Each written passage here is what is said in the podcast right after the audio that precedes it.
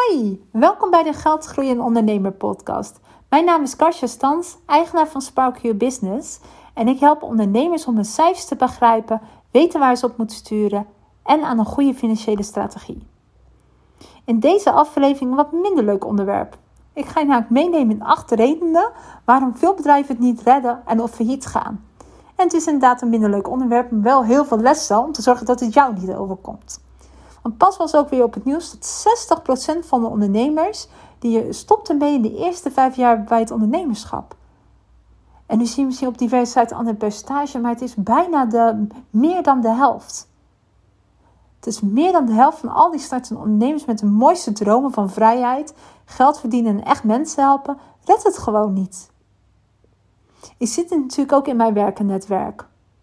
En daarom geef ik jou nu, nu de top 8 van de meest voorkomende redenen waarom ondernemers ermee stoppen en hoe jij dit kan voorkomen.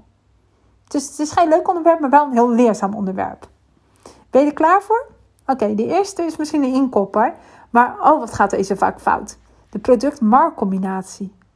Veel ondernemers hebben, denken ze, echt een geweldig idee. Ze hebben iets nieuws bedacht. En soms denken ze ook echt dat ze iets nieuws hebben bedacht en denken dat iedereen hierop zit te wachten. Of ondernemers zien dat iemand anders erg succesvol met iets is en denken dat wil ik ook. En in het ergste geval kopieert letterlijk uh, de andere ondernemer. Wat tussen zaakjes nooit gaat werken. Uh, heb ik al een podcast overgenomen. Wat te doen met uh, een copycat. je kan hem terugluisteren. Maar linksom of rechtsom. Je hebt een idee en daarmee ga je de markt bestormen. Wie zit er niet op jouw idee te wachten? Je lanceert je product door een challenge. Of gewoon ouderwets in je netwerk. Je bent aan het adverteren. Je bent overal mee bezig. Je hebt grote verwachtingen. En dan? Dan blijft het stil. Misschien koop je moeder het. Of een vriendin. Of misschien nog een oud collega. Vaak nog tegen korting ook. En dan doodse stilte. Dit kan natuurlijk aan diverse dingen leggen. Je marketing, misschien het budget wat je hebt aan marketing, je nog niet zo'n grote netwerk, of misschien juist je idee. Want als jij een half jaar, jaar bezig bent en je krijgt geen klanten, dan kan je wel eens over gaan nadenken dat het niet het product of de dienst is waar mensen op zitten te wachten. En misschien heeft het een verkeerde prijs, of misschien bied je het verkeerd aan, maar uh, ja, je moet echt wat gaan veranderen. Misschien is je idee niet zo geweldig als je misschien zelf denkt. Luister altijd naar de markt. Ga je product tweaken. Verzin je eigen draai. Verzin een ander verdienmodel. Of misschien is het tijd om weer terug naar de tekentafel te gaan en toch een ander soort product te verzinnen. En het hoeft niet helemaal verkeerd te zijn, maar het kan net zijn dat je bijvoorbeeld uh, blauwe kussens aanbiedt dat iedereen op roze kussens zit te wachten. Dus het kan ook heel miniem zijn. Luister naar je klanten. Vraag waarom ze het niet kopen en wat ze missen. Doe onderzoek waarom dingen niet lopen. Maar ook, wees niet bang om los te laten. Als het echt niet werkt, laat dan los. Ik heb bijvoorbeeld wel eens een klant gehad die, heel, eh, die online cursussen aanbood voor tekstschrijven. Hoe schrijf je nou een goede tekst voor social media? Nou, ze kreeg geen klanten. Uh, het was gewoon één, uh, één groot drama voor een half jaar lang. Totdat ik met haar ging zitten en gewoon even ging kijken, waar hebben mensen dan behoefte aan? Mensen hebben vooral behoefte dat, uh, dat teksten voor hun geschreven worden. Heb ik ook, ik hoef het zelf niet te leren. Ik besteed het liever uit. Wat we toen hebben gedaan, en dat is wel grappig, nu een jaar later heeft zij gewoon haar eigen bureau met allemaal tekstschrijvers in dienst, die voor haar klanten de tekst gaat schrijven. Want zij zelf had er geen zin in, maar ze wilde wel strategisch meedenken. Dus nu heeft zij gewoon een groep tekstschrijvers onder zich. Super slim. Dus zij zit nog wel steeds met hetzelfde idee, alleen uh, het is iets getweakt en ze doet toch iets in die branche. Dus dat is een goede. Product-marktcombinatie. Zit, zit de markt ook echt op jouw product te wachten? De tweede reden eh, waarom eh, bedrijven soms gewoon failliet gaan of gewoon niet lekker lopen, is cash. Dit onderwerp is zo cruciaal en ik noem het ook echt overal: cash is king. Als je geen cash hebt, dan ga je failliet. Het is misschien wel de belangrijkste factor in het ondernemen. Cash, gewoon keiharde centjes op de bank. En alle grote ondernemers zullen dit aangeven. Er is natuurlijk niet voor niks zoveel aanvraag voor financieringen. Cash op de bank maakt dat jij jezelf kan uitbetalen, je rekeningen en je personeel kan betalen. Kan je dit niet, dan gaat het echt heel snel slecht met jouw bedrijf. Schuldeisers komen, Je, hebt zelf, je kan jezelf geen salaris uitkeren, wat weer privéproblemen gaat zorgen. Want dan komen dan ook schuldeisers. En voor je het weet heb je het totaal niet meer onder controle. En de nummer één fout die ik zie bij ondernemers is dat ze zichzelf gewoon salaris uitbetalen terwijl het geld er niet is, terwijl je die winst niet hebt. Dus stel je hebt een klant die jarenlang bijvoorbeeld 2500 eh, euro aan dezelf overmaakt, door corona misschien een slecht jaar hebt gehad en nog steeds die 2500 euro uitmaakt. Maar als je mij 10.000 euro winst hebt op jaarbasis, kan jij je niet 12 maar 2500 euro uitbetalen. En je ziet gewoon dat, dat mensen het moeite hebben, hebben om dat te realiseren, om terug te stappen uh, of uh, dan anders te gaan denken. Uh, ja, het, mensen zitten vast in dat denkpatroon. Uh, en wat er dan gebeurt eigenlijk, is dat ze het geld wat eigenlijk bij de belasting hoort aan zichzelf gaan uitkeren. Of interen op een winst. En, maar de Belastingdienst komt echt. En het heeft misschien nog niet eens met corona. Het kan ook gewoon zijn dat het gewoon even, soms even wat minder gaat met je onderneming. Maar uh, blijf daar gewoon bedachtzaam op. Nou, wat kan je doen om dit in controle te houden? Ten eerste, realiseer dat de omzet geen cash is. Als jij een betalingstermijn van drie maanden hebt, is wat je nu omzet geen cash. Dat komt pas over drie maanden uh, naar boven of dat komt binnen. Omzet wordt pas cash als jij je geld op de bank hebt van je klant. Daarom is het ook zo belangrijk om elke week even je administratie om te kijken of je alle betalingen binnen hebt. Doe je administratie regelmatig. Informeer als je het uitbesteedt bij je boekhouder. Joh, wat staat er open en waar moet ik achteraan? Uh, wees ook niet bang om, om je geld te vragen. Er zijn ook heel veel ondernemers die vinden het eng om om mijn geld te vragen. Je hebt gewoon je werk gedaan. Doe ook zo weinig mogelijk gratis. Dat zie ik ook zo vaak. Weet je, als ik naar de bakker ga, en dan ga ik ook niet vragen: mag ik, mag ik een hapje slagroom? Uh, daar moet ik ook voor betalen. Dus waarom niet bij jou? Uh, de tweede tip om meer controle in je cash te houden is financiën belangrijk te gaan maken in je bedrijf en het niet te onderschatten. Niet denken: hé, hey, de boekhouding heb ik uitbesteed, ik heb alles geregeld, ik ben in controle. Je boekhouding is iets in het verleden. Het is gewoon een registratiedingetje. Maar en ik kan niet genoeg benadrukken hoe belangrijk het is om ook naar de toekomst te kijken. En als je dat moeilijk vindt om een financieel strategie in je team te hebben. Dat is anders dan een boekhouder of een VA die je bonnetjes weg zit te werken. Maar iemand die met je meedenkt over de toekomst, hoe je cashflow eruit ziet en waar je mee kan sparren over nieuwe ideeën. Ik doe dat ook met mijn klanten. Uh, mijn klanten zie ik inderdaad uh, één, of, uh, ja, één keer in de maand, twee keer in de maand of net wat een abonnement is bij mij. En daar gaan we het ook over hebben. Van, joh, waar sta je nu? Waar wil je naartoe? wat is er dan voor nodig? Welke financiële beslissingen moet je dan maken? dan heb je een veel concreter strategie en ook actieplan om daarmee te werken. Hoe vaak ik niet heb meegemaakt dat iemand met een fantastisch nieuw idee kwam. En na een sessie met mij erachter kwam dat het helemaal niet zo winstgevend is. Is echt ontelbaar. En het, hoeft niet gelijk heel slecht te zijn. Maar gewoon met een kritische financiële blik erop. Kan je het wel misschien winstgevend maken. Hoe zonde is het dat je al je tijd een idee loopt te stoppen. Te gaan adverteren. En dat je er eigenlijk achterna achter komt dat je niks verdient. En nog irritanter is dat ik, had, uh, dat, ik dat dan van tevoren had gezien. Uh, dus uh, huur iemand in. Um, de derde is een cashflow planning maken. Wanneer komt er geld in, wanneer komt er geld uit? Zodat je ook actie kan ondernemen. Zie jij dat je over vier maanden in de problemen kan komen financieel? Ga er actie op ondernemen.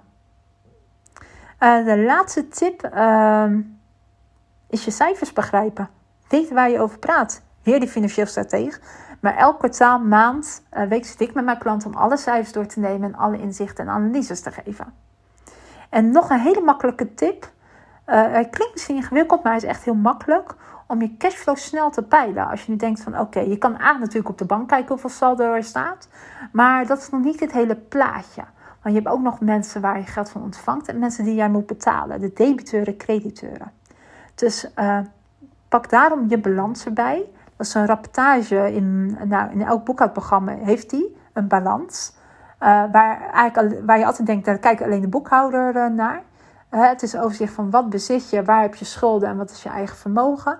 Tel daarbij even de vlottende activa uh, minus de vlottende passiva. En als je nu denkt, wat de fuck heeft zij het over? De vlottende activa zijn je debiteuren, dus de mensen waar je geld van krijgt, en je banksaldo.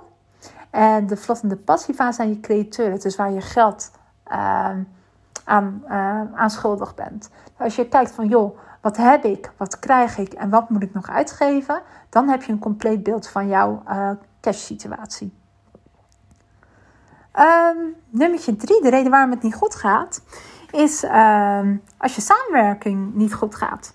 Sommige ondernemers beginnen met z'n tweeën. het zijn co-founders of misschien gedurende je ondernemerscarrière ontmoet je iemand die een uh, compagnon wordt. En dit gaat vaak mis. Mensen veranderen, behoeftes veranderen en er kan ruzie ontstaan tussen beiden. En als je dit niet genoeg bespreekt, kan het dus gewoon zijn dat jullie uit elkaar gaan. Communicatie blijft key hierin. Blijf overleggen met elkaar en bespreek elke kleine hiccup die er is. Ik ben nu al drie jaar aan het ondernemen en ik heb nu al zo tien keer meegemaakt in mijn netwerk uh, dat dit niet goed gaat.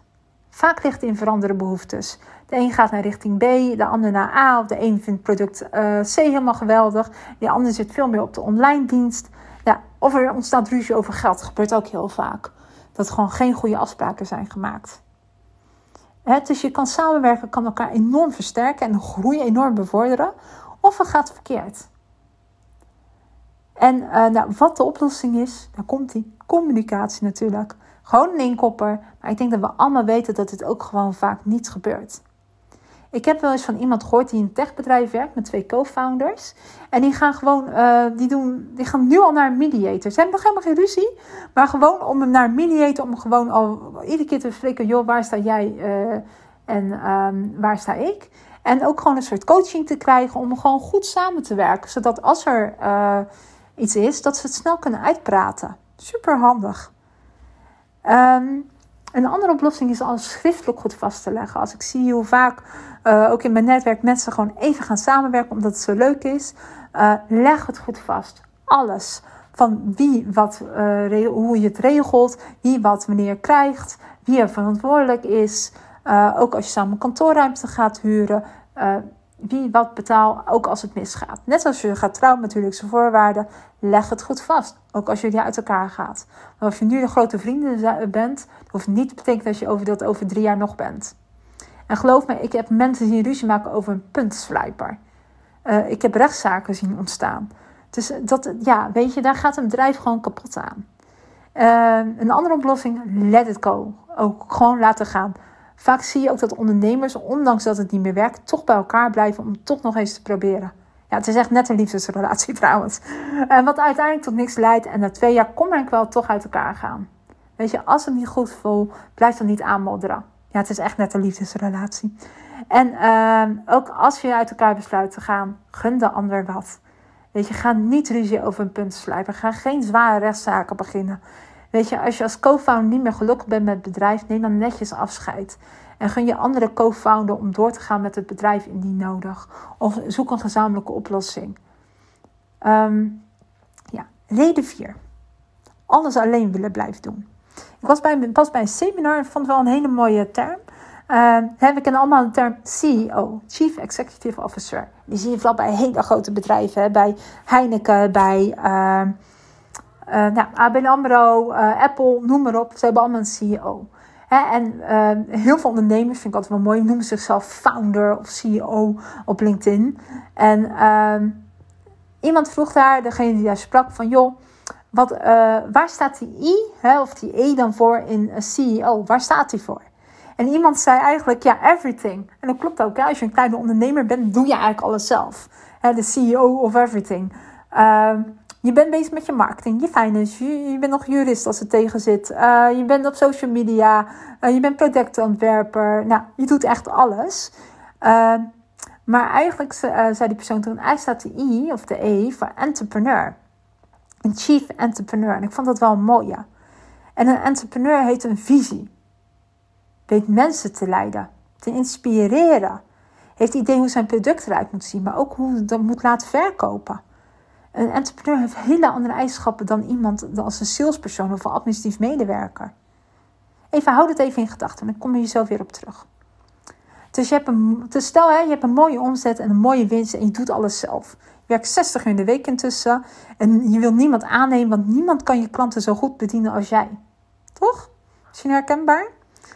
Um, hoe lang denk je dat iemand dit volhoudt? Week in, week uit. Want een vrijheid die je ooit dacht te hebben als ondernemer, die is echt weg. Hè? Uh, je kan niet op vakantie. Uh, daar ben je onrustig. als je ziek bent, kan eigenlijk niet. Ehm, en heel veel mensen stoppen er dan ook mee. Dus mijn tip is eigenlijk probeer een team te bouwen. Ga taken uitbesteden. En ja, dat is eng en oncomfortabel. Maar zo voorkom je wel dat jij 60 uur per week werkt. En geen dingen meer doet die jou echt inspiratie leveren. En nee, je hoeft niet gelijk iemand in dienst te nemen. Je kan ook een netwerk met zzp'ers om je heen verzamelen. dus je hoeft niet gelijk uh, echt een, een hele team van zes, zeven mensen in dienst te nemen. Nee, begin gewoon eens een beetje een paar dingen uit te besteden. Ook als jij je niet comfortabel voelt bij mensen in dienst, uh, zorg ervoor dat jij niet 60 uur werkt. Want dat hou je gewoon niet vol. Oké, reden 5 waarom het niet altijd goed gaat, is als een team niet aligned is. En misschien denk je, hé, hey, je was net aan het uh, zeggen dat ik moest uitbesteden en nu ga je al maar je waarschuwing doen. Dat klopt. Want een team kan ook voor problemen zorgen als het niet werkt volgens jouw cultuur en regels. Want hoe klein je ook bent als bedrijf, je hebt al een cultuur. De manier waarop jij klanten behandelt, de responstijd, uh, de manier waarop jij uh, dingen uitlegt, alles is cultuur. En als je één of twee ZZP's hebt, is het natuurlijk prima te managen als ze dat niet doen. Dat heeft ook met processen te maken. Maar stel dat jij drie of vier man in dienst hebt en er is één heel negatief en doet alles anders, dan zorgt dat voor problemen in je bedrijf. En het is dan ook noodzaak om daar gelijk met deze persoon over te praten of, of zelfs afscheid te nemen als dat, uh, als dat kan. Want zo één persoon, als jij dat toelaat, uh, kan die andere drie ook beïnvloeden. En dan, gaat, ja, dan kan je klanten verliezen. Of dan kan je bedrijf ineens dat het slecht werkt. Je hebt een team nodig waarbij alle neuzen dezelfde kant op draaien. Die jouw bedrijf en jou ondersteunen en die jij vertrouwt. Want het kan een van de scenario's zijn dat jij gewoon manager bent en dat jij gewoon een managementteam onder je hebt die dat allemaal doet. Maar ze moeten wel te vertrouwen zijn en weten wat jouw visie en missie is. Dus jij moet mensen kunnen meenemen. En je kan hier bij de selectieprocedure al scherp op zijn door bijvoorbeeld goede interviews te houden, maar ook bijvoorbeeld door een test te laten maken. Maar ook regelmatig op de voer te komen. Wat speelt er en ga in gesprek. Ik heb dit ook meegemaakt. Weet je, in diverse settings dat je gewoon in een team zit en waar één gewoon rotte appel bij zit. Die overal nee tegen zegt, geen zin in hebt. Zinnen gebruikt van nou, ik heb vandaag geen zin in. Of met een dood paard uh, loopt het trekken. Uh, die heel negatief zijn. Je, ik weet ook uit ervaring dat zo'n team echt naar beneden kan glijden. En zelfs een goed team. Uh, dus wees erop alert wat er gebeurt. Want uh, een slecht team zorgt voor minder klanten en voor slechte omzet. Um, reden 6 is niet op tijd loslaten. Ik heb het al een paar keer voorbij gekomen. Maar neem snel afscheid van dingen die niet werken. Of het nu mensen zijn, samenwerkingspartners of producten en diensten. Iets wat je te veel tijd kost, niet moeiteloos gaat of geld kost, weg ermee. Je moet goed zorgen voor jezelf en je bedrijf en daar horen energieslurpende, geldverslindende dingen niet bij. Ik heb ook bijvoorbeeld van een aantal klanten uh, afscheid genomen het kostte me omzet. Gewoon, dat was het negatieve. Maar het positieve is, ik had er gewoon geen zin meer mee te werken. Daarvoor ben je ondernemer, dat je afscheid kan nemen van mensen. Maar het beviel gewoon niet. Ik werd een keer om 7 uur s ochtends geappt werd naar me. En dat ik gewoon, uh, en om 9 uur nog een reminder waarom ik niet gelijk opnam. Ja, dat soort klanten heb ik echt, wil ik gewoon niet in mijn systeem hebben. Uh, of iemand die hele werkzaamheden van mij vroeg, waar ik eigenlijk helemaal niet van plan was om die te doen. Heb ik afscheid van genomen. Of personeel. Uh, volgens mij in een van mijn vorige podcasts vertel ik over een VA die ik om vijf uur s ochtends heb ontslagen. Uh, dus neem afscheid van dingen die jou niet meer passen. Het kan ook zijn verdienmodellen of pakketten of prijzen. Maar neem afscheid, durf die keuze te nemen. Of misschien wil je wel een heel ander bedrijf beginnen. Uh, laat op tijd los. Anders werkt het niet. En denk niet van, oh, ik heb gefaald. Nee, je hebt wat geleerd. Reden 7 waarom bedrijven het niet redden. Geen risico durven nemen. Ondernemen is gecalculeerd risico nemen. Je ziet het bij alle grote ondernemers. Op een moment, op een bepaald moment, gewoon een risico genomen. En dat heeft zich uitbetaald in succes. Soms ook niet. Die rivalen race natuurlijk ook. Daarom zeg ik ook een gecalculeerd risico even los van Elon Musk en Richard Branson. Je hoeft niet gelijk alles te verliezen. Die, dat zijn natuurlijk extreme mensen die overal op inzetten. Super bewonderenswaardig, maar uh, het is ook een risico. Uh, maar af en toe gewoon een gecalculeerd, gecalculeerd risico te durven nemen kan echt geen kwaad. Durf te investeren in personeel of in nieuwe software. Doe het wel gecalculeerd. Weet wat de risico's zijn. Maak een worst uh, en best case scenario en een realistisch scenario. Worst case, wat is het ergste wat kan gebeuren? Dat die persoon helemaal niks opbrengt bijvoorbeeld. Wat is realistisch dat hij de helft opbrengt. En best case dat hij zich helemaal zichzelf terugverdient. En zo weet je waar je aan begint en wat de financiële consequenties voor jou zijn. Heeft jouw beslissing een heel groot risico? Overlicht het dan even met die financieel stratege, weet je, die je gewoon in elk team moet hebben. Um, dat is super handig. dus misschien denk je wel inderdaad om uit te besteden. Maar kan je dat financieel dan wel? Wat gebeurt er dan? Of misschien wil je wel een kantoor hebben. Kan je dat dan betalen? Of misschien wil je naar een groter kantoor. Of misschien, nou ja, ik kan wel tig voorbeelden opnoemen. Maar ehm, wees niet bang om het te doen. onzekerheid um, loopt hand in hand. Uh, dat, volgens mij uh, heeft elke ondernemer dat nog steeds. Maakt niet uit hoeveel jaar je bezig bent. Maar als jij je goed inleest, goed voorbereidt en goed calculeert, uh, dan kan je wel, overwegen, uh, wel overwogen besluit nemen om dat risico wel te doen. Uh, ik, zie, ik zie ook veel ondernemers, en dan vooral de starten, die blijven hangen niet echt ondernemen. Die blijven maar, die komen gewoon niet in die actiemodus. Die blijven van coach naar coach lopen. Die besteden misschien wel 30.000 euro, ja joh, we hebben ze erbij, aan coaching. Ehm, maar er komt gewoon geen product. Super zonde. En dan, gewoon, en dan gewoon nog niks doen. Dan ligt dan echt niet meer aan je mindset. Dan ligt gewoon dat jij even af en toe gewoon een liefdevolle schop onder je kont moet hebben. Om dat gewoon te gaan doen.